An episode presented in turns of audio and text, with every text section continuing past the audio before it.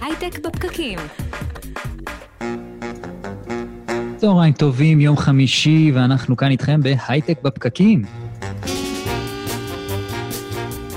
צהריים טובים חברים, אנחנו כאן איתכם, הייטק בפקקים, מדברים על יזמות, סטארט-אפים, טכנולוגיה והעתיד. אני הדר חי ונירית כהן נמצאת כאן איתי, אהלן, צהריים טובים. שלום הדר, שלום הדר. בהפקה של התוכנית היום, אורית טולדנו וטל חי, אנחנו משדרים לכם גם בווידאו פייסבוק לייב של כלכליסט ואיצטדיון הסטארט-אפ, אז אתם יכולים להיכנס לשם ולשלוח לנו דברים, אנחנו אוהבים את זה, ואנחנו גם נמצאים בקבוצת הייטק בפקקים בפייסבוק. אתם יכולים לחפש אותנו גם בפודקאסטים, הייטק בפקקים זה השם, אז אתם יכולים להיכנס, ואל תשכחו, לעקוב. היום אנחנו מדברים על אה, מכירת אה, חברות בשלבים מוקדמים, כשיש אה, בערך רק המייסדים נמצאים בחברה, ואנחנו אולי רצים כמה חודשים, ופתאום מתקשרת חברה, במקרה הזה זאת את נירית, בכובע של אינטל, ואומרת, אנחנו מעוניינים לדבר, מה, מה אתם עושים, מה התוכניות שלכם, ואז פתאום הדבר הזה מתפתח לרכישה, ממש רכישה. מה שנקרא פנטזיה של כל סטארט-אפיסט. ממש ככה, ממש ככה. תוך כמה חודשים מאז שהקמת את החברה, כמה מיליוני דולרים בבנק, אפילו לא היית צריך לחלוק אותם עם, עם אה, שום אה, משקיע או עם אף אחד. אה, חלום, חלום סך הכל. כן, זה... קודם כל זה באמת אה, מעניין אם זאת אסטרטגיה, ואני חושבת שזה מה שאני רוצה לברר פה, האם זאת אסטרטגיה, האם זה קורה, איך זה קורה, איך עושים לקרוא? כן, מה, איך, איך הדבר הזה קורה? אתה אומר, איך עושים את זה, צפרו לי, אני מוציא דף כן. ועט ומתחיל לרשום. לגמרי, מה, מה השיקולים של החברה הרוכשת גם? אה, זה מאוד מעניין, אני מנסה ככה להבין למה, למה חברה רוצה לקנות חברה של שני אנשים, שסך הכל עוד, עוד לא צמחה להיות ארגון. כן, כי חברות קונות חברות מהרבה סיבות. הם, נכון. לפעמים הן אה, קונות את הטכנולוגיה בעצם, כי זה מקצר להם דרך. נכון. לפעמים הן קונות את הטאלנט. לפעמים, אגב, הן קונות משהו כדי שהוא לא ייפול לידיים של מישהו אחר. כן. אה, אז יש כל מיני סיבות. שלא ו... יהפכו להיות מתחרה משמעותי, אתה כבר קונה אותו ומוריד לו את הראש, כמו שפייסבוק עושה הרבה. נכון, נכון, או שאתה מוודא שבאמת אה, אתה קונה אותו ואתה משתמש בו, אה, או כאמור לפעמים זה משהו שאתה פתאום מבין שאתה צריך. אנחנו, אני חושבת שאנחנו בטח נראה שבחלק מהמקרים זה הלקוחות, בחלק מהמקרים אה, זה אולי אפילו מתחרים, או, או מוצרים משלימים, מה שנקרא, זה בעצם תהליך מעניין, ואני חושבת שזה יהיה מאוד מעניין לראות אה, אם יש פה סיפור אה, של מה אפשר לעשות כדי אה, להגביר את הסיכוי, כי אתה יודע, זה לא רק אה, מה אני עושה, זה גם מי צריך לדעת שאני עושה כן, את זה, וש... נכון. ושאני אטרקטיבי עבורו. איך אני מגדיל את הסיכוי שלי ל... אה, לקבל את ההזדמנות הזאת, כן. אה, אפילו להיחשף ולהיראות, זה... זה כי נכון. כשאתם רק שני אנשים, כמה איך יגלו אותך? איך יגלו אותך? כן, נכון. בדיוק. לא יראו אותך באיזה, כנראה, באיזה פורבס, או אולי כן. כן. טוב, ואנחנו uh, פותחים בפינת סטארט-אפ בפקקים, בשיתוף פועלים הייטק שמסייעים לסטארט-אפים בחיבורים לתעשייה, לקרנות, אקסלרטורים והזדמנויות, והפעם עם אה, רם יוניש, מייסד אה, חברת Cymplify, שהחברה הזאת נמכרה לצ'ק פוינט מספר חודשים לאחר הקמתה. וואו. רם, צהריים טובים. צהריים טובים, אהלן. אהלן, אתה שמעת את התוכנית uh, בדרך לאקזיט, נכון? את הייטק בפקקים, אני זוכר שאמרת לי. כן, אה, אני זוכר, חמישי בבוקר, אה, שעה קבועה, חצי שעה קבועה, מנסים לתפוס את כולה, וכן, שמעתי אותה באותו יום. יפה, נכון. ממש סיבה ותוצאה. קיוויתי להופיע בה גם באיזשהו שלב יותר מאוחר. יפה, אז בואו בוא נתחיל עם אה, שאלת uh, מיליוני הדולרים. איך, כן. איך עושים את זה כל כך מהר? אתם בסוף uh, חברה בת כמה חודשים, מה... איך זה קורה? אמ, יש, אה, יש לפחות שני מרכיבים שלדעתי הם אה, קריטיים להצלחה של עסקה כזאת, או בכלל שתהיה, בכלל שיחשבו עליך כעל עסקה רלוונטית. אחד זה הטכנולוגיה והשני זה הצוות. Mm-hmm. תמיד אומרים, VC זה צוות, צוות, צוות, אבל במקרה הזה קונים את הטכנולוגיה וקונים את הצוות. ולכן אתה צריך משהו שהוא, במקרה שלנו, שהוא קטונתי מאוד מלהיות יועץ למישהו, במקרה שלנו, טכנולוגיה מאוד מאוד מאוד אה, ייחודית ומעניינת, וצוות שיודע לקחת אותה אחר כך ולבנות אותה בארגון הגדול. זאת אומרת, הם גם בעצם עשו סוג של אקווי היירינג כזה? הם בעצם גם קנו את, ה, את האנשים כדי לעבוד בחברה, או שבעצם הטכנולוגיה היה פה המרכיב המשמעותי? כן, התשובה היא כן. אני קראתי לזה באיזשהו שלב Acquire פלוס פלוס. יש מספרים שנהוגים לדבר עליהם, שמדברים על acqui-hire, טווחים כאלה ואחרים. לי היה מאוד חשוב שזה לא ייפול לתוך הטווח הזה, כי יש פה טכנולוגיה חזקה עם פוטנציאל גדול, גבוה. כמה אנשים הייתם, רם? היינו שלושה. אוקיי, כי acqui-hiring זה, זאת אומרת, אתה יודע, בוא ניקח צוות של 20 איש במקום לגייס ולחבר אותו, זה, זה acqui נכון. hiring. אז שלושה אנשים זה, שלושה אנשים מאוד מוכשרים שכנראה עשו משהו שאנחנו צריכים. אז בואו בוא נתחיל אולי רגע מההתחלה ונבין מה זה הדבר הזה שאתם בעצם עשיתם. כן. אז אנחנו היינו שלושה מייסדים, אה, מלבדי אה, היה את גילי ינקוביץ' ואת יאלי סלע, שני השותפים שלי, שניהם אה, חבר'ה מוכשרים, חכמים מאוד, אה, יוצאי מצוב במקור, שהספיקו לעבור, מצוב בצבא, אה, שהספיקו לעבור גם בשוק האזרחי בכל מיני חברות מעניינות, ביניהם גם סנטינל 1, סיימוטיב וכדומה, וצברו ניסיון והמון המון ידע. מתוך הרקע שלהם הטכנולוגי, הם פיתחו פתרון שעושה runtime protection בעולם ה-IoT ברמת ה-Device עצמו. רגע, רגע, זה היה המון מילים של מהנדסים. עוד נכון. פעם בעברית? אה, הגנה, אה, אה, הגנה בראנטיים, בזמן אמת לצורך העניין, על ה-Device עצמו. אז נניח שאנחנו מדברים על Device, ולא משנה איזה Device, נניח שה-Device הוא יכול להיות מצלמה, הוא יכול להיות ראוטר, הוא יכול להיות אפילו טלוויזיה חכמה או איזשהו מכשיר חכם אחר. המכשירים החכמים האלה, כמו שאנחנו יודעים, יש בהם משובצי מחשב, כמו שאומרים בעברית, והם מדברים עם האינטרנט כי הם IoT, אה, ובמקום הזה יכולות להיות הרבה מאוד... אה, אה, זאת אומרת, בגלל גם שה-IoT הוא נכנס ובעצם כן. מייצר הרבה פרצות אבטחה, אז בעצם אתם הלכתם על, על המגמה הזאת, שבעצם צריך להגן עליהן. כן, רוב הפעילויות שקיימות היום בעולם יודעות לזהות שיש איזושהי חולשה מסוימת כשנגיד אותו device מגיע לארגון, נניח, ואז מטפלים בה איך, איך למנוע את האפשרות שמישהו יטפל ב-vulnerability הזה או יפרוץ. אנחנו בנינו פתרון שנמצא ברמת ה-Device עצמו, מהרגע שהיצרן מייצר אותו, פיליפס, סימנס וכדומה, הם לא לקוחות, אבל זו הדוגמה, והוא נמצא שם בפנים ובראנטיים, לא משנה איפה, הוא יודע לזהות שעכשיו מישהו מנסה לתקוף אותו ולעצור את ההתקפה. מאוד ייחודי בטכנולוגיה. ואיך מצאתם אז... את הצורך הספציפי הזה ששווה להם אה, לרכוש אותם? איך מבינים שתאגיד אה, צריך עכשיו ספציפית את הסוג הזה של הטכנולוגיה והם לא פיתחו את זה לעצמם? אז יש פה שתי שאלות. השאלה הראשונה זה למה חשבנו על זה או למה עשינו דווקא את זה. אנחנו, אה, האג'נדה המרכזית הייתה לעשות משהו שהוא הכי simple שאפשר, ורצינו לקרוא לחברה Simple או Simplify, משם בא השם. דרך אגב, יש חברה אחרת שקוראים לה Simplify ב-S, שפשוט היו לפנינו, ולכן קראנו לעצמנו Cymplify ב-C, CY, כמו סייבר ו Simplify, mm-hmm. אבל לעשות simple, הכי simple שאפשר בהקשר הזה היה לעשות משהו שהוא באמת, אתה מתקין אותו בתוך ה-device, ומרגע זה הוא חי שם בצורה כמעט אוטונומית לחלוטין ועושה הגנה מלאה על ה-device. זה כמו איזה מין holy grail, grail כזה של הגביע הקדוש, כן? משהו שיודע לעשות לבד, להגן כמעט מכל התקפה ברמת ה-device. אז בעצם יש לכם צורך uh, שהוא ברור, יש לכם טכנולוגיה ש... ש... גישה טכנולוגית אחרת מאשר הגישות שהיו שם לפניכם. איך יודעים עליכם? איך יודעים שאתם קיימים? אתם עוד... שלושה אנשים יושבים בטח באיזה גראז' או נגיד המקבילות של הגראז' של התקופות האלה. בבית, כן. בקורונה.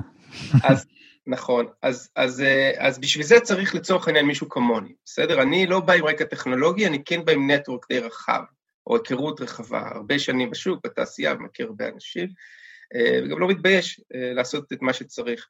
אה, אם יש משהו ראשון שאני, כאילו טיפ ראשון שאני אומר לחבר'ה שמקשיבים, זה כל יום תתחברו לעוד חמישה עשרה אנשים, או לפחות תנסו. אבל מה זה אומר תתחברו? זה לא סתם להתחבר. אה, תכוונו לאן אתם רוצים להגיע. אז אה, אם אנחנו היינו בעולם של IoT, ובעולם הזה כיוונו להגיע ל-manufacturers, לא כיוונו להירכש על ידי צ'ק פוינט, בסדר? חשוב להגיד. כיוונו לעבוד מול manufacturers יצרניים, אז אני חיפשתי מי האנשים שאליהם אני רוצה להגיע, והתחלתי להתחבר למעגלים הקרובים אליהם. כל יום עוד ועוד אנשים, לבנות מעגלים של השפעה או מעגלים של קשר סביב הפונקציות הרלוונטיות בארגונים שאליהם אני ארצה בעתיד להגיע. כדי שתוכל בעצם לבוא יום אחד ליצרנים שתרצה שיישמו את הטכנולוגיה שלך ולהגיד להם, הנה הטכנולוגיה שלי, כדאי לכם להכניס את זה למוצר שלכם. נכון, אז אני אפשט את זה. יצרן זה מילה גדולה.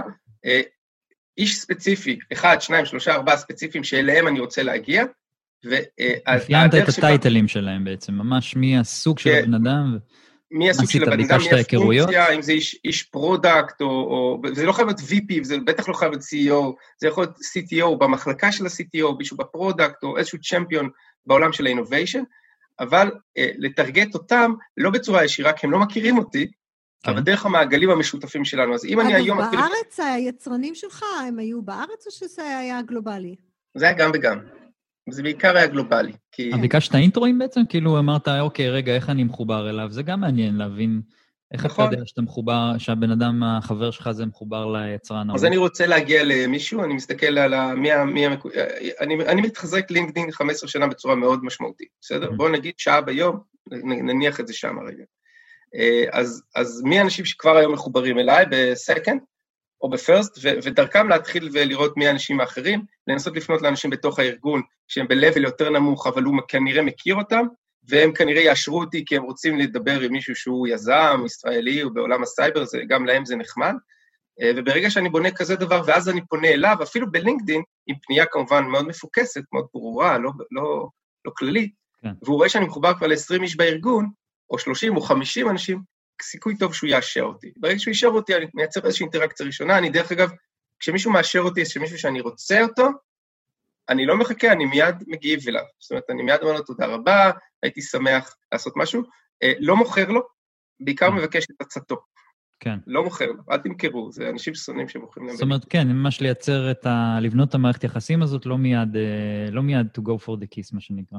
כן, כן, בטח שלא. אבל, אבל אה, נירית שאלה, אז אני רגע אחזור לשאלה המקורית, איך, איך, איך אתה מגיע לזה? אז, אז דרך המעגלים האלה. עכשיו, אה, במקרה הזה, באמת המעגלים הם בהמון תחומים, זה לא רק האנשים האלה, זה מעגלים עסקיים, ואני הייתי, אה, יחד עם שחר מטורין, הקמתי את אה, Startup Grind בישראל.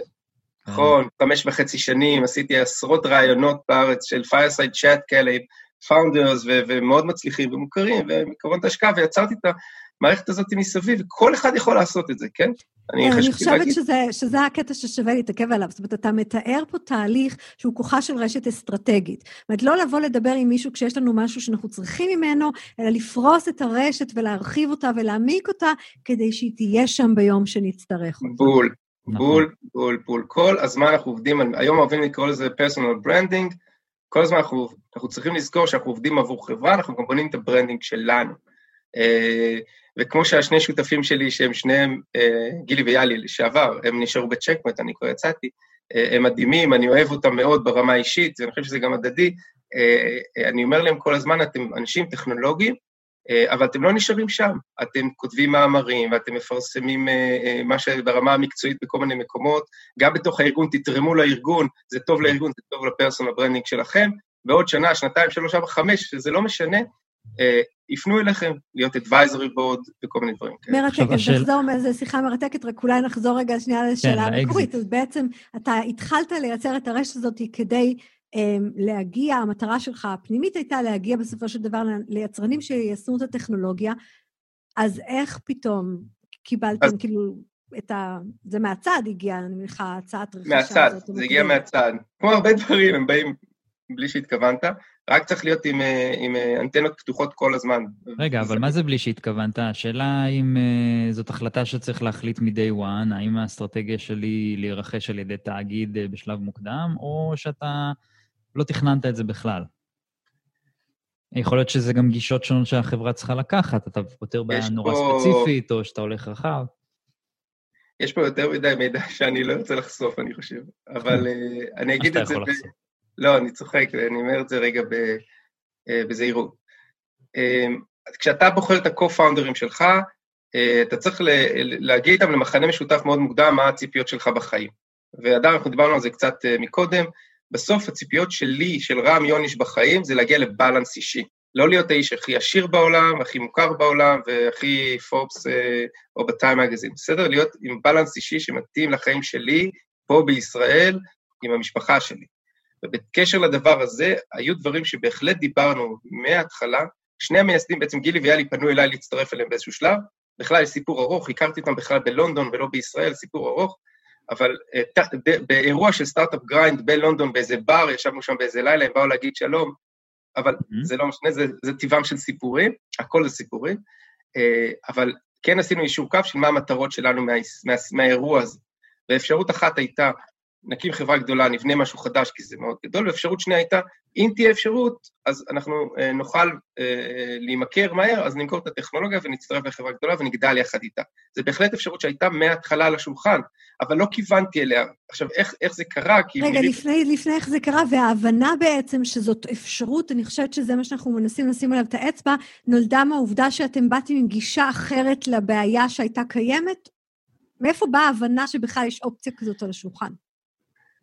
אז אני חושב שזה מגיע מתוך אה, איזשהו משהו שקשור דווקא לבגרות, ואיזשהו, שוב, אני חושב שבמקרה הזה לפחות התפיסת עולם שלי, ואני מדבר עם המון, לפחות שניים, שלושה יזמים בשבוע, אה, זה עניין של החלטה אישית. אם אתה רוצה לבנות חברה שלך שתשנה את העולם, ויש לך את היכולת ואת הטכנולוגיה והכול, אתה יודע, לך על זה כמובן, זה, זה הכי טוב שיש. אבל אם אתה בא מגישה, זו גישה, גישה כמו שלי, כן? שאני אומר, מה שהכי חשוב לי זה הבאלנס האישי שלי. ואני רואה את כל הקשיים, יש הרבה מאוד קשיים בלהקים חברה גדולה.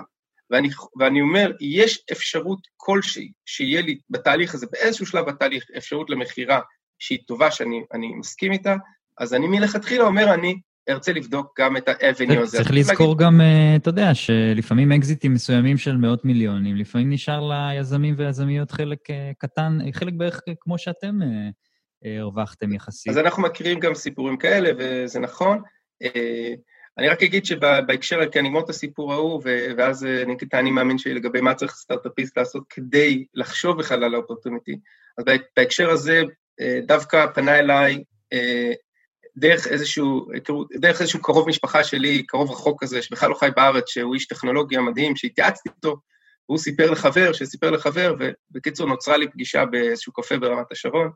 אה, בפגישה הזאת נפגשתי עם מישהו שהוא אה, אני חושב, אני אגיד את קוראים לו נתן, נתן עבד בצ'ק פוינט באותה תקופה, הוא היה אחד המייסדים של חברה שנרכשה על ידי צ'ק פוינט, אה, ונתן בפגישה הזאת סיפר לי, תשמע רם, אנחנו אמנם אה, יכולים להשקיע, פגישה הייתה להשקעה, אבל mm-hmm. אנחנו, אני חייב להגיד לך שצ'ק פוינט היא חברה שמחפשת טכנולוגיות בעולם תוכן הזה, מחפשת טכנולוגיות בשלבים מוקדמים, אז יכול להיות מעניין, אם אתה רוצה, אני אבדוק את זה גם בשבילך בתוך הארגון. וכך התחיל הגלגל, אני לא חשבתי ספציפית בכלל בכלל על צ'ק פוינט.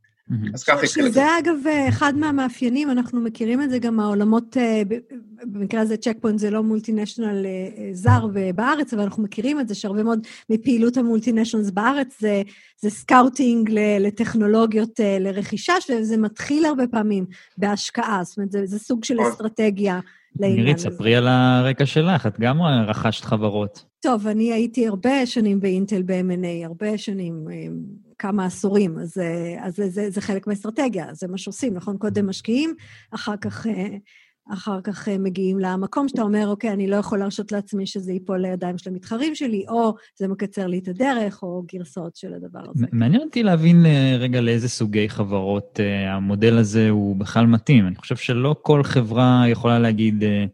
בכלל להימכר, צריך פה איזשהו IP מאוד, אה, מאוד ברור, נכון? זאת אומרת, זה לא שכל חברה של שלושה אנשים יכולה לנצח, אה, כנראה שהרבה חברות גם צריכות להראות הרבה מאוד traction לפני שהן נמכרות, הרבה מאוד אה, לקוחות, משתמשים, משהו שקשה מאוד לבנות צוות של שלושה אנשים. ובעצם אתה שואל, הדר, כאילו, מה יש בתוך בתוך קבוצה של שלושה אנשים, שהופך אותם לאטרקטיביים כבר בשלב הזה, לפני שהם הוכיחו כן, עומק, אה, ייצור, אה, לקוחות, אה, product. מוצר שהוא מפותח. כן, אני, אספר לכם אנקדוטה קטנה. אני, אני מאוד מאוד, הייתה לי שיחה מאוד כיפית עם גילי ויאלי בלונדון, ואז אחר כך בישראל, בבית קפה ליד הבית שלי, איזה עשר פגישות, שסתם נפגשתי איתם כי אני נורא אהבתי לעזור לסטארט-אפים. הייתי נפגש המון המון באותה תקופה. או חמש, ואז הם פנו אליי, אבל לא ידעתי מה זה מצוב. לא ידעתי, לא, באמת לא הכרתי את זה, אני מגיע ממודיעין חיל אוויר, לא הכרתי את, ה, את היחידה הזאת. רק בדיעבד, כשהתחלנו לפנות לקרנות, אמרו, אה, הם ממצוב, אז הבנתי איזה ערך יש לאנשים שיוצאים מהיחידה הזאת. זה כן קשור לסיפור של מה יש, מה היה בנו, מה יש בסימפליפיי. אבל אני חוזר עוד פעם. טיפ ראשון, להתגייס ליחידה או למצוא מישהו מיחידה. זה, זה עוזר, זה עוזר. אבל, אבל אני אומר, אז דבר ראשון זה הטכנולוגיה.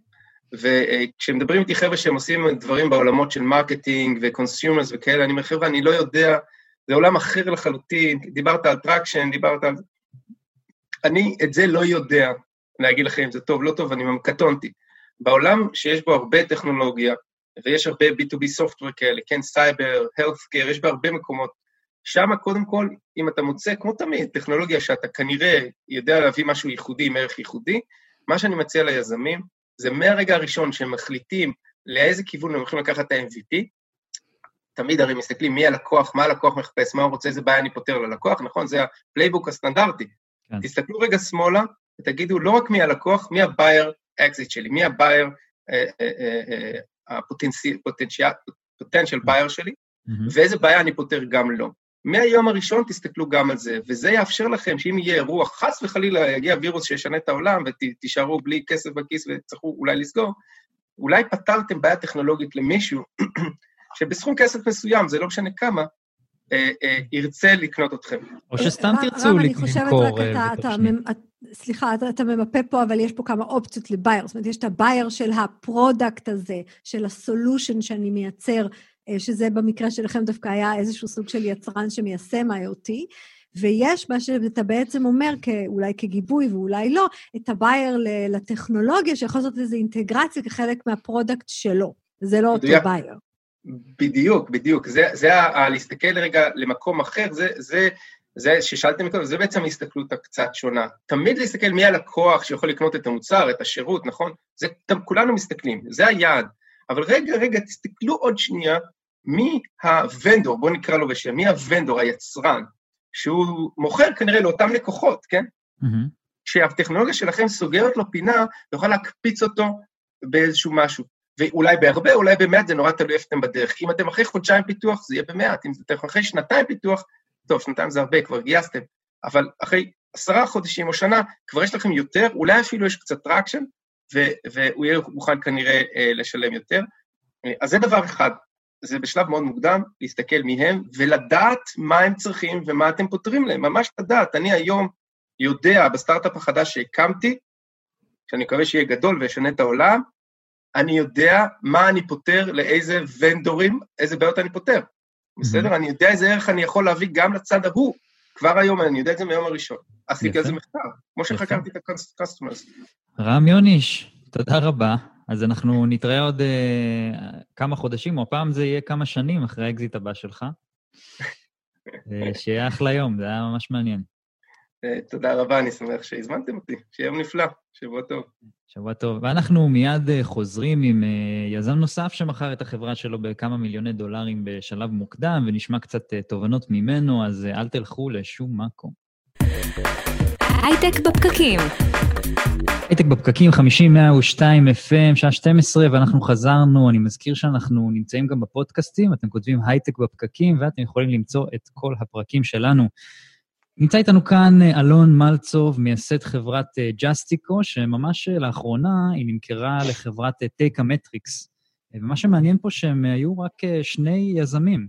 אז צהריים טובים, אלון. אהלן, מעניינים. מצוין, אז, אז ספר לנו ככה בקצרה גם מה אה, החברה שלכם עשתה וגם מה החברה הרוכשת עושה ואיך זה בעצם התחבר. אז Jestico uh, בגדול הייתה marketing intelligence platform לעולמות ה e-commerce, בגדול התרכזנו באמזון ועזרנו לברנדים, sellers ובעיקר חברות שמפרסמות באמזון להבין מה קורה במה שנקרא digital shelf. היום רובם משתמשים... זאת אומרת, כשאני בא למכור באמזון, אני רוצה לקבל מידע על מה קורה בשוק, איפה, המוצר שאני מוכר יכול להיות יותר אטרקטיבי, איפה, מה המגמות, דברים בסגנון הזה, נכון? בדיוק. זאת אומרת, היום לקוחות משתמשים במידע של אמזון, אה, ומידע מאוד אה, יבש, ובעצם אנחנו עזרנו להם להבין מה באמת קורה בשוק, איפה המוצרים ממוקמים, מי המתחרים שלך, מה המחירים של המתחרים שלך, איך אתה יכול לנצל את המידע שלנו כדי לשפר את הביצועים שלך באמזון. ומה טייקה מטריקס החברה הרוכשת עושה? אז טייקה מטריקס הייתה באמת אחד הלקוחות שלנו, אחד הלקוחות הגדולים שלנו, ואנחנו נתנו להם מידע אה, כדי לעזור לחו... לסלרים שמוכרים דרכם. הם בגדול עוזרים לסלרים באמזון לשפר את הביצועי הפרסום שלהם. הבנתי, כלומר, אתם בעצם עזרתם להם, נתתם להם עוד uh, טכנולוגיה, עוד כלי בתוך סל הכלים שלהם, uh, שרלוונטי ללקוחות שלהם. בדיוק. האמת שנירית, זה מזכיר את, ה... את השיחה, את הרעיון הקודם שלנו, שגם שם בעצם uh, לרם היה פתרון שהוא עוד סל, אה, בסל הפתרונות ללקוחות של, של צ'ק פוינט במקרה הזה. זה מעניין, כי פה בעצם זה בדיוק מה שרציתי לשאול אותך. אה, אגב, כמה זמן הייתם קיימים לפני שקנו אתכם? אז uh, התחלנו את המיזם ב-2017 בתוכנית זל מהמרכז הבינתחומי, והשארנו שנתיים וחצי, ובחרנו לאחרונה. אז הם בעצם היו לקוח, ואיך מתפתח התהליך מזה שלקוח בעצם הופך להיות רוכש? אז זה מתחיל בשיחות מאוד מעניינות, קצת אסטרטגיה, קצת uh, צעדים הבאים, כל אחד uh, קצת חושף את התוכניות הבאות שלו לתקופה הקרובה. מפלרטט. ואז, מג... כן, ממש ככה. ואז פתאום מגיע איזה מייל של I would like to jump on a call uh, on strategic conversation to take our partnership to the next step. משהו שנראה מאוד מאוד תמים, מתחיל בהתחלה סוג של הצעה להשקיע בחברה, ולאט לאט מתפתח ומתבשל הבנה של vision של כל אחת מהחברות, עד לרמה של uh, הבנה שאולי כדאי לעבוד ביחד. וראיתם את זה בא? זאת אומרת, זה משהו שכשהסתכלתם מנקודת מבט של מערכת יחסים שלכם עם השוק, עם לקוחות, אמרתם, הנה אנשים שיכולים לקנות אותנו? אה, ראינו את זה מגיע, האמת שזה הגיע כבר ממש ממש בהתחלה. אחד הלקוחות הראשונים שלנו מההתחלה הציע להשקיע בחברה, ולנו זה היה מאוד מאוד ברור שזה לא חכם. אה, אבל לאט לאט עם הזמן... למה, אגב? כי למה? בעצם אם אחד הלקוחות העיקריים שלך משקיע בחברה ויש לו חשף, הוא נחשף בעצם לכל הנתונים של החברה מהלקוחות שלה, אז הוא די שולט בה. אה, מאוד מאוד קשה אחר כך לגייס כסף, המשקיעים לא אוהבים את זה, זה ממש הורס את הכל, זה סוג של כיוון, uh, one way uh, street to be acquired by that customer. ותגיד, היו לכם גם שיקולים uh, uh, למכור, אולי במקום למכור, uh, לקבל, לגייס כסף? להמשיך לפתח את החברה? זאת אומרת, זה משהו שתכננתם אותו לצאת כל כך מהר? אז האמת שלא תכננו אותו, אנחנו, המסע שלנו התחיל כש... אה, היה לנו מאוד מאוד קשה לגייס כסף, זה עולם שהוא מאוד מאוד מסובך וסבוך, אה, נופל על כל מיני קטגוריות, והיה לנו מאוד קשה, אז התחלנו כבוטסטראפ, ולשמחתי הצלחנו להגיע למצב שאנחנו כמעט break even אה, באותה תקופה, ואז באמת שאלנו את עצמנו, אוקיי, מה הצעד הבא? האם אולי נגייס כסף, אולי לא? האם להמשיך? האם למכור? מכירה תמיד לא הייתה אחת האופציות, אבל ברגע שהבנו שבאמת אם נעבוד ביחד, אז נוכל להפוך לסוג של market leader בעולם הזה, אמ, אז פתאום זה היה הרבה יותר אה, רלוונטי. כמה וגם... הם, אגב, אה, כמה זה הארגון הזה שקנה אתכם? אז הם, יש להם 160 אנשים היום, הצפי שלהם זה להגיע אפילו עד לאלף אנשים בעוד חמש שנים. מטרה אה, היא להגיע, להנפיק תוך שלוש שנים. יש להם משרדים, שני משרדים בארצות הברית, בסיאטל ובבוסטון. יש להם משרד עכשיו בישראל, משרד חדש בסין שהם עכשיו פתחו, אחד בקנדה. הנושא הזה, הנושא הזה של ה bootstrap הוא מעניין אותי. אתם בעצם הגעתם לא מתוך בחירה, זאת אומרת, הלכתם אה, ל VCs וחיפשתם לגייס, נכון? נכון. בעצם אמרתם, אה, אני, אנחנו לא מצליחים לגייס, אנחנו צריכים להרוויח, אנחנו צריכים גם, אתה יודע, מ-2017 אתם צריכים גם אה, כיזמים להתפרנס. הצלחתם בעצם עם המוצר שלכם כבר למכור אותו כמו שהוא ולהתפרנס מזה? לא שמעתי את הסוף של השאלה, לצערי. אני שואל, אם הצלחתם בסופו של דבר גם להתפרנס מזה, אה, תוך כדי, ב- למכור את המוצר וככה לחיות? כן, אה, זה היה בצורה מאוד לין אה, וכזה קצת מהיד לפה ומאבק מאוד מאוד קשה, אבל כן, בדיוק מה שאתה מתאר, היה לנו המון המון שיחות עם כל מיני VCs, אה, שחלקם כבר היו עם כמעט הצעות על השולחן, ובסוף זה לא קרה. אה, ובעצם, אתה יודע, תוך כדי שאנחנו מנסים לגייס, אנחנו גם מנסים להביא לקוחות, זה סוג של juggling אה, כזה בין כדורים. והגענו למצב שאנחנו צריכים לבחור האם ללכת על לקוח מסוג אחד ולגייס כסף, או ללכת על לקוחות הגדולים, שמבחינת ה VC זו הייתה החלטה לא נכונה. כי זה הרבה יותר קשה להשיג אותם, אבל אנחנו הצלחנו, אני לא יודע בדיוק לתאר למה ואיך, אבל זה פשוט עבד. אה, ואז פתאום לקוח שמכניס 100 אה, דולר בחודש, יש לנו לקוחות שמכניסים אלפי דולרים בחודש. אה, ואז הכל השתנה. בעצם הרכישה הזאת היא לא הייתה איזושהי תוכנית, זה לא כשכיוונתם, הסתכלתם קדימה, אמרתם, הנה לקוחות פוטנציאליים שירכשו אותנו. נכון, זה, זה ממש לא אפילו. זה קרה. זאת אומרת, ההתפתחות הבאה, מצאתם ששותף לה, לצורך העניין. בדיוק. חשבנו על לגייס, חשבנו על לבנות טכנולוגיה דומה, ואז אמרנו, רגע, אבל גם הם מחפשים את זה, יש פה הזדמנות ממש ממש טובה לשלב כוחות, למה לא בעצם? ועם יד על הלב גם, בגלל שלא גייסנו כסף, זו החלטה הנכונה בתור יזמים מבחינה כלכלית. אמ, ללכת לגייס ולהגיע ל... בוא נגיד לרווחיות שאנחנו הצלחנו לקבל, או מהתשואה שאנחנו נוכל לקבל מהרכישה הזאת, זה הרבה הרבה יותר משתלם מאשר עכשיו להתחיל את המסע עוד פעם. אלון, מתי הייתה הרכישה הזאת? הרכישה הייתה בזמן אה, משבר הקורונה, התחלנו את השיחות באזור אה, אפריל, ורשמית אה, חתמנו ממש בערב ראש השנה. אה, אוקיי. כי אחד הדברים שמעניין אותי תמיד, אתה, יש לך baby, אתה מקים עסק, ואז אה, פתאום יש רכישה, ואתה אומר, החלטנו לשלב כוחות, אבל זה לא באמת כוחות, אה, ו- ו- ויש הרבה פעמים שזה מרגיש כאילו מישהו נכנס לך עכשיו לבית, התחיל לסדר לך את התמונות על הקירות ואת אה. הכלים בארון, ואתה לא בדיוק מבין איך זה קרה. אז, אז בוא נדבר קצת על הסיפור הזה בדיעבד, זה, איך זה מרגיש לך עכשיו? הוא עדיין עובד בדיוק. שם. כן, כן זה בדיוק ככה. כן, בשלב איפה הסכו"ם, כן. איפה הם שמו את הסכו"ם. זה בדיוק ככה. במיוחד, אני לא יודע איך זה, כי לצערי לא מכרתי חברה לפני, אבל במיוחד בזמן ה-COVID זה, זה משחק אחר. אתה פוגש המון המון אנשים בזום, אה, חלקם עם אה, רקע כזה נחמד וחלקם מה, מהגראז' בבית. אתה מנסה להבין איך כל החברה עובדת, הם האמת עשו עבודה מדהימה אה, בלפרוס לנו את כל החברה ולהראות לנו את המבנה הארגוני ולהבין איפה הסכו"ם ואיפה הכוס של כל דבר, אבל זה, זה מאוד מאתגר. זה שונה, זה להתרגל לקולצ'ר חדש, זה להתרגל לאנשים חדשים, להתרגל לזה שאתה לא היחיד שמקבל את ההחלטות. זהו, אתה לא מקבל את ההחלטות. זאת אומרת, בעצם אתה פתאום, מה שאתה רוצה לעשות, אתה צריך להתחיל לשכנע מישהו ואתה לא יודע את מי משכנעים. אז יש פה, פה תהליך מאוד מעניין ש, שיש לכם לעבור בתקופה הזאת, כן.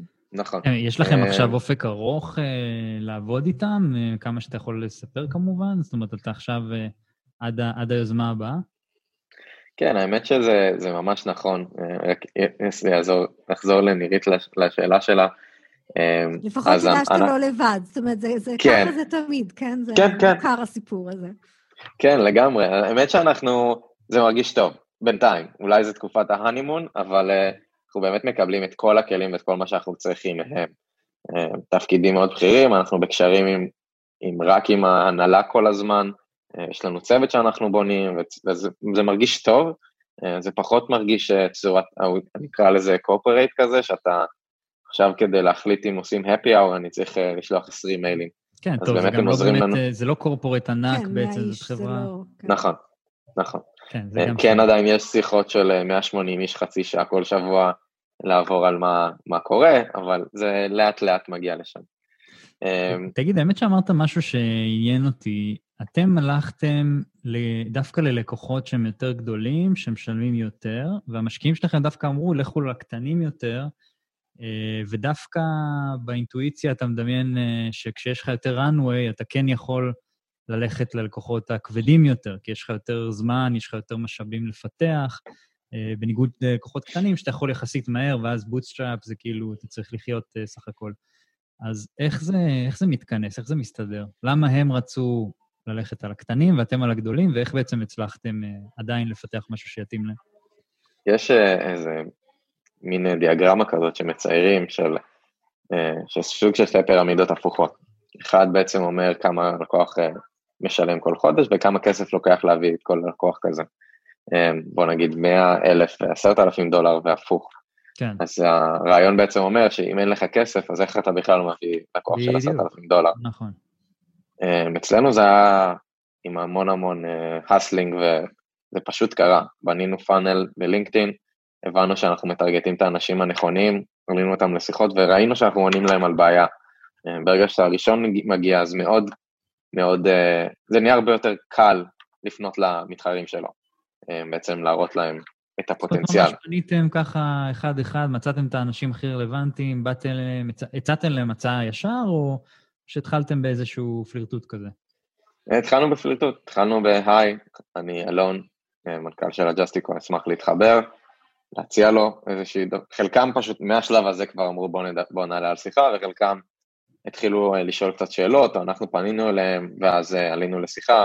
ברגע שעולים על שיחת דמו עם אנשים כאלה, אז אה, שהם מבינים את הפיין והם רואים גם את הלוגו של המתחרים שלהם, שמשתמש בזה, הם מבינים שיש פה יפה, משהו שהם צריכים לבחון. זה החלטית, אז יצרתם איזשהו, איזשהו fear of missing out כזה, יש מתחרים שלי שם, אז אני גם חייב לי.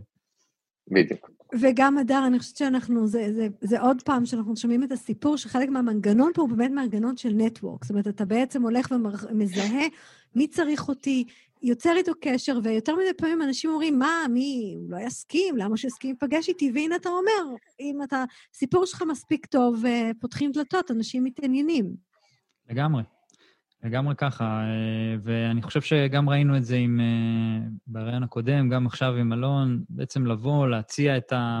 כאילו, לא, אפילו לא צריך יותר מדי אה, תקציבי שיווק ומכירות וזה, פשוט באו, הציעו והצליחו ככה לעשות את המכירות. ופיין, פיין, הוא ידע, אלון אמר, ברור, כן, אני יודע מה זה... כואב, אני יודע איך אני פותר להם. ערך, ערך אמיתי. כן.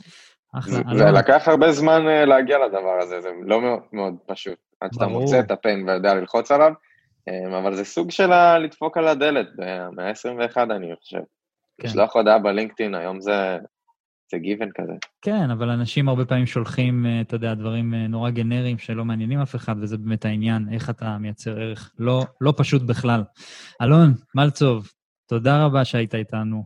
אחלה, הרבה בהצלחה בהמשך הדרך, ונתראה בסטארט-אפ אה, הבא שתעשו. בשמחה, בשמחה. תודה רבה לכם, אחלה יום. הייטק בפקקים. הייטק בפקקים, חמישי ב-102 FM, אנחנו חזרנו ואנחנו נמצאים כאן עם באסל חורי, סמנכ"ל פיתוח עסקי ומנהל חטיבת האוטומציה בגליל סופטוור, שנותן שירותי תוכנה לחברות הייטק בארץ. לחברה מעל 200 מתכנתים, היא מובילה בבדיקות אוטומטיות מעל 80 מהנדסי אוטומציה שעובדים עם חברות הייטק הטובות בישראל. החברה יושבת בפארק ההייטק בנצרת, ומהחלונות שלה נשקף הנוף של עמק יזרעאל. אז אה, באסל, צהריים טובים. צהריים טובים. אז... מה שלומכם? הכל טוב, אז ספר לנו בקצרה על אה, גליל סופטוור ומה אתה עושה שם. טוב, אז uh, גליל סופטוור היא חברה מאוד מעניינת, אנחנו עושים כמה דברים מעניינים בתחום outsourcing, אנחנו נותנים שירותי תוכנה לחברות הייטק גדולות, קטנות בארץ, ההתמחות שלנו רק חברות הייטק, אנחנו לא מתעסקים עם חברות אחרים. אה, אנחנו מתמחים בכמה אזורים בשירותים האלה, אנחנו מתמחים בתחום האוטומציה, שאני אחראי עליו, תחום הדפס, שזה גם תחום שמאוד מתפתח והולך לנו טוב, וגם תחום אה, פיתוח, אה, פיתוח מערכות ווביות, ומי הלקוחות שלכם שם? בעצם בחברה יש לכם בעצם שמות יחסית גדולים, נכון? רק בשביל הקונטקסט? כן, האמת שה stack של הלקוחות שלנו, הפורטפוליו שלנו מאוד מגוון, כל מיני סוגות טכנולוגיות שונות. מי למשל? למשל רדוור, Western Digital, SimilarWeb, ironSource, ווילט, שמות מאוד ידועים. זה בעצם, בעצם outsourcing שמאפשר להם להרחיב את, ה, את היכולת שלהם לטפל בעבודה מבלי להגדיל את כוח האדם. זה לא רק בדיוק, זה גם, זה יש לנו מחלקה שמתעסקת בנושא הזה, אבל גם יש לנו מחלקות שהן יותר אקספרטיז. מה זה אקספרטיז? זה אנחנו מגיעים ללקוחות שיש להם בעיות ויש להם צורך להתגבר על בעיות מסוימות בתחומים מסוימים, כמו DevOps, כמו אוטומציה, שבאמת אה, זה דברים שם שהם לא יודעים לעשות את הדברים האלה בצורה הכי נכונה, והם רוצים ייעוץ, אוקיי? מעבר לכוח אדם. אז באסל, את, אתם, אתם בתור חברה שרואה הרבה חברות, כולל אתם ממש הייתם, נגיד, למשל, אמרת שעם סימילר ווב ממש מהשלבים הראשונים, אה, כן. אתם, אתם בעצם רואים הרבה חברות, איך הן גדלות, איך הן מתפתחות, ורואים גם הרבה טעויות ודפוסים של חברות שכן מצליחות וחברות שפחות מצליחות, בטח אתם עובדים גם עם סטארט-אפים קטנים שפחות הצליחו. מה את, למדתם מזה? מה אתם יכולים להגיד לנו שיכול להיות ככה... גם אנחנו עשינו טעויות בדרך, אין ספק, אבל אה, אין ספק שיש, שמהניסיון שלנו, אחת הטעויות הנפוצות זה, אנחנו, הישראלים, יש, יש לנו את האופי הזה לקפוץ מהר למים, אוקיי? מתחילים באימפלמנטציה, רוצים לעשות את העבודה, לא, לא, לא לוקחים את הזמן לחשוב ולתכנן קצת יותר קדימה, אוקיי? לפני שאנחנו מתחילים. אז הרבה מהלקוחות שלנו, למשל, אני יכול לתת לך בקונטקסט של אוטומטי. הרבה מהלקוחות שלנו התחילו לפתח מוצר, אה, רצו לכתוב אוטומציה בצורה מסוימת, פשוט הביאו מישהו, התחילו לכתוב אוטומציה בצורה כאילו dirty, ואחרי שנה אה, של עבודה, של אה, בזבוז של שנות אדם, כאילו שלוש שנות אדם, הם הבינו שהאוטומציה שלהם לא מתקתקת ולא עושה את העבודה ואף אחד לא משתמש בה.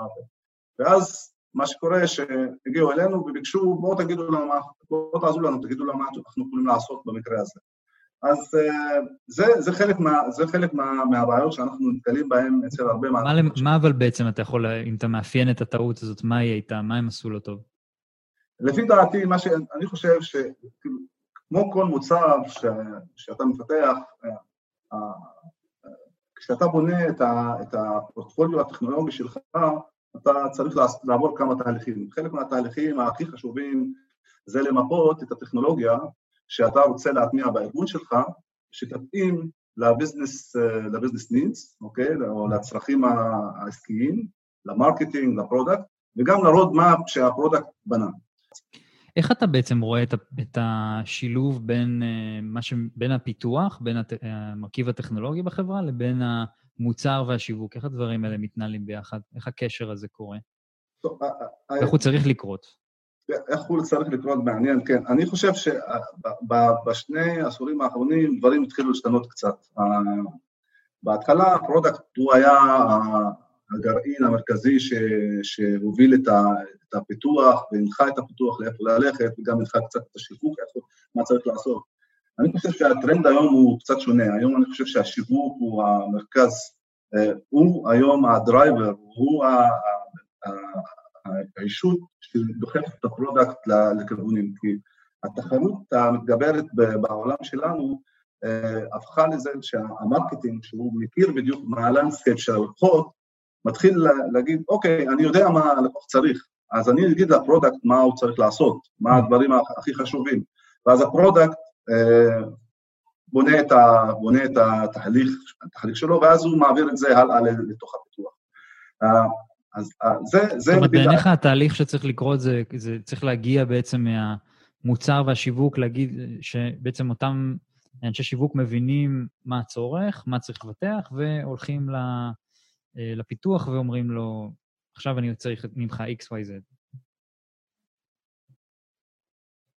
מובן, עכשיו, יש, מובן שיש פה, תמיד יש את ה...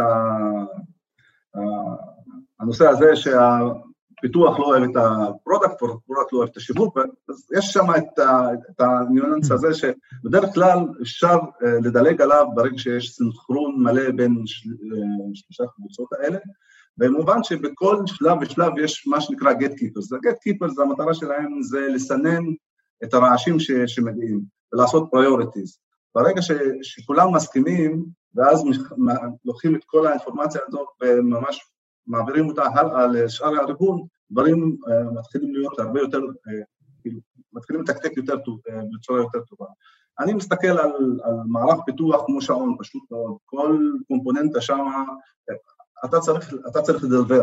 לדלבר זה אומר זמן מסוים, יש לך מרווח זמן שאתה צריך לדלבר.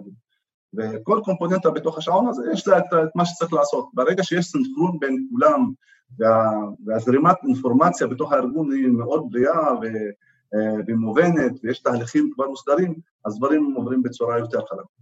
אז בעצם אם אני הבנתי נכון, אתה בעצם אומר שחלק מהיתרון של ישות חיצונית אה, לארגון אה, שעושה חלק מהמוצר זה בעצם שאתה מנתק אותם מהרעשים הפנימיים והמתחים והיכולת של למכור, של האם זה feature ש product רוצה או feature ש engineering רוצה, ופה אתה אומר בעצם, אני יש לי process, אני מקבל מה צריך לעשות, מתי אני צריך לדלבר את זה, ואז אני מתקתק את זה ויש תוצר בקצה. בדיוק ככה, בדיוק ככה. ממש שמת את זה יותר טוב ממני. CTO טוב, שאתה בטח עובד הרבה עם אה, מנהלים טכנולוגיים, מהו, מה דפוסי אה, פעולה שלו, דפוסי עבודה אה, שנראים לך ככה מעניין להציף אותם? תשמע, CTO טוב, אני חושב, CTO טוב הוא בן אדם ש... ש... שבאמת צריך, שיש לו הרבה ידע בהרבה תחומים, אוקיי? לא, לא רק, ב... רק, רק מבחינה טכנולוגית, הוא גם צריך להיות business uh, oriented, הוא צריך להבין את ה business, ש, uh, שהגיע מתחום שהוא מאוד רלוונטי, ויש לו ידע מאוד רחב מבחינת ה stack הטכנולוגי הקיים היום בעולם, אוקיי? Mm-hmm. הוא גם, הוא, הוא בן אדם שבסופו של דבר מחליט ומייעץ ונותן איזה, איך למפות את, ה, את הכלים ואת הטכנולוגיה שאתה רוצה להטמיע בארגון שלך, במה להשתמש, למה כדאי להשתמש בדבר הזה ולא בדבר הזה, אז, אז הידע הזה הוא ידע אדיר וידע מאוד מאוד רחב. לפי דעתי, אני בחיים שלי נתקלתי בכמה סיפורים מאוד מעניינים, והדבר הכי, הכי בלט בהם זה הידע הרחב שיש להם בטכנולוגיה והניסיון האדיר שהם צברו במשך השנים. באסל חורי, מגליל סופטוור, תודה רבה שהיית איתנו וצהריים. טובים. תודה רבה. וחברים, אנחנו לקראת סיום. תודה לכל מי שהיה איתי, תודה לאורי טולדנו, טל חי, ותודה לך, נירית כהן. תודה, דר חי. תודה לכלכליסט ולרדיו תל אביב על שיתוף הפעולה, ותודה לכם שהאזנתם לנו. אם הצטרפתם, רק בסוף אתם לא צריכים לדאוג, כי כמו תמיד אנחנו מקליטים. תוכלו לשמוע אותנו בכל האפליקציות, אפליקציית רדיו תל אביב, Spotify, SoundCloud, iTunes וכל השאר. הייטק בפקקים, זה השם, אז תחפשו ותעקבו אחרינו. אנחנו הייטק בפקקים, ימי חמישי, שעה 12, רדיו תל אביב, נתראה בשבוע הבא.